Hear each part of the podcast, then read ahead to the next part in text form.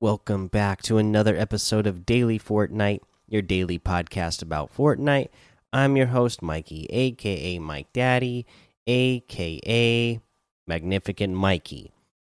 So, just a little update with uh, PlayStation users users who have been trying to buy V Bucks today. There's been a couple of issues that happened throughout the day but we'll get to the most recent one saying we're currently investigating an issue where some PS4 players are not able to purchase V-Bucks within the game. We will provide an update when we have new information.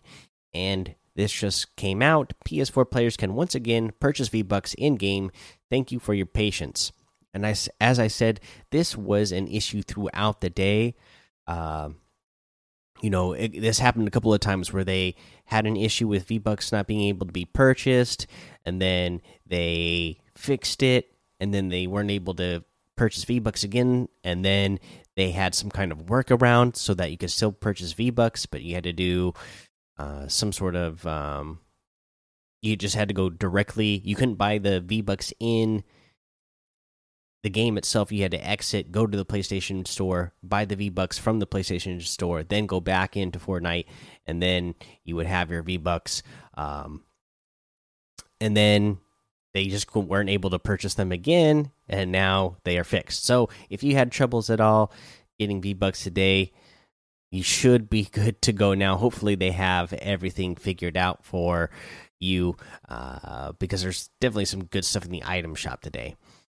Uh, other than that, uh, not any news that I'm going to talk about today. So there's been, uh, I know I heard a little bit about it yesterday, and then I've heard a little bit more about it today.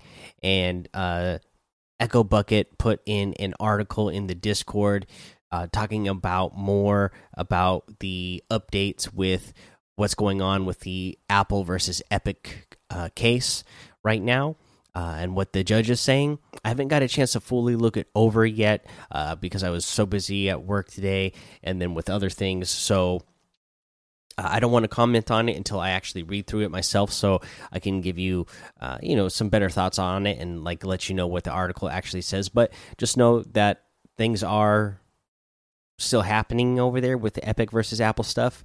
You know, the little bit of a summary from what I have so far, I can tell you is that so far the judge, the judges, uh, you know, they are kind of. It's not looking good for Epic, and you know, with good reasoning. You know, we know that they just went ahead and pushed an update when they knew it was against the terms. So, uh, you know, it's looking like the judge is leaning that way, which totally makes sense. But like I said, I'll go over the articles and uh, all the different opinion pieces that I've seen uh, popping up here and there, and I'll read through them, and then we'll we'll talk about it sometime this week. Uh, other than that, I don't have a lot of news, so let's go ahead and talk about a challenge tip where you need to destroy Gorgers. Again, uh, I love Squatting Dog's weekly cheat sheets and Squatting Dog's app.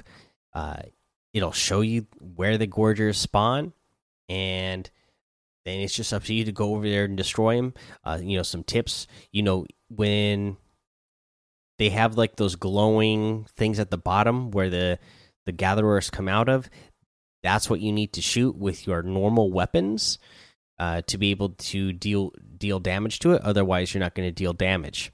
The other thing you need to know is that you can obviously because we've had this as a challenge before using gatherers to deal damage is you can knock down the gatherer pick it up before it explodes and then use that to dis uh, destroy the gorger. And the it actually works a lot better because it doesn't matter where you shoot when you have the when you have the gatherer you could just shoot the uh, gorger anywhere and it will still do damage. So uh, beware that. And, and again this is a great one because uh, this thing you know shoots out those beams.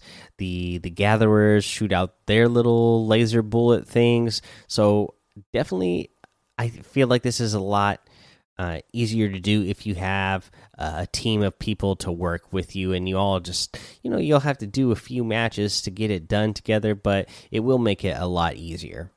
Uh, all right guys let's go ahead and take a break right here All right, now let's go over today's item shop. And as I already mentioned, it's a pretty awesome one because we have the Abstrakt outfit back in here. It comes with that tag back back bling. This is 1,500 V bucks.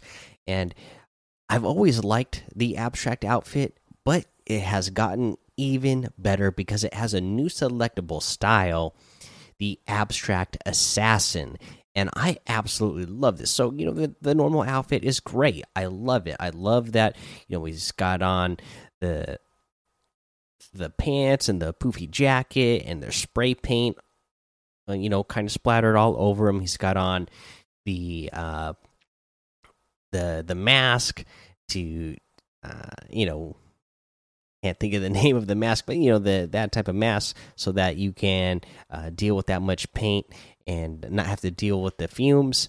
Uh, looks great, right? But it's just you know normal blue jacket, gray hoodie. Now the new Abstrakt assassin, absolutely love it. So he's got on black pants now. The black poofy jacket changes into a black uh, uh, baseball cap, and now instead of being able to see his his neck and his part of his face, it's all dark, dark, darkened out. It's like uh, kind of like the the shadow outfit, the shadow.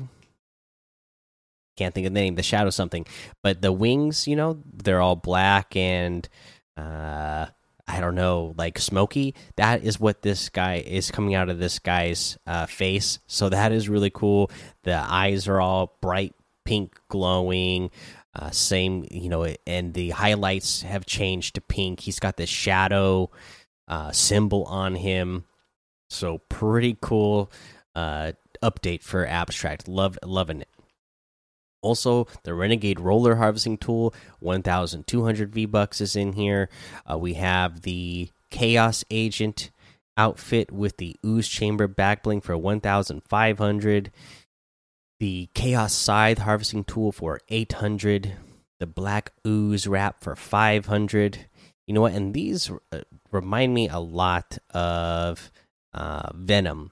I know that's another one that everybody, you know, we just recently got Blade. The other one everybody's talking about that we might possibly get soon is Venom. And like I said, I don't remember where it was exactly where I saw, but I was in uh, replay mode once and I saw a Venom symbol on there. So I'm pretty sure we're eventually going to be getting Venom. And uh, it just remind me of that because this Chaos Agent stuff uh, definitely, uh, you know, reminds me of Venom. Uh, let's see here. What else do we have?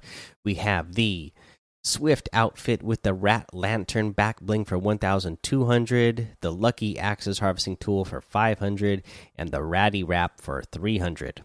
You got the Grim Fable outfit with the Pack Leader back bling for 1,500. The Renegade outfit for 800. This one is absolutely awesome, right? There you go. The Island Vibes emote for 500. The Hot Stuff emote for 200. The Feeling Jaunty emote for 500. And the Studded Axe Harvesting Tool for 800. You can get any and all of these items using code Mike Daddy M M M I K E D A D D Y in the item shop, and some of the proceeds will go to help support the show. Now, let's get to our tip of the day. For our tip of the day, let's talk about crash pads some more. So, here's another cool trick that I saw. And again, just a real simple way to break into people's boxes. Uh, another thing you can do is so you're going to stand on top of somebody's box. You are going to build a cone on one side of the top of their box and then you'll stand you know in the middle of their box and then throw the crash pad so that when it hits the cone that you placed that way the crash pad will be angled in so that it's breaking down into their box and you're just going to drop right on top of them and then eliminate them so another simple easy trick to do with the crash pads I know they're not as uh, the the the percentage of them was dropped in competitive. Uh, but if you happen to have them while you're there, that is a super powerful move. And uh, you know you still get a bunch of them in pub. So if you're somebody who you know is not worried about playing ranked and you're not a competitive person but you want it you just want to get more kills and potentially some more wins that is you know another great trick to use with those crash pads all right, guys, that's episode four today. Go join the daily Fortnite Discord and hang out with us. Follow me over on Twitch, Twitter, and YouTube. It's Mike Daddy on all of those. Head over to Apple Podcasts, leave a five star rating and a written review for a shout out on the show. Make sure you subscribe so you don't miss an episode. And until next time, have fun, be safe, and don't get lost in the storm.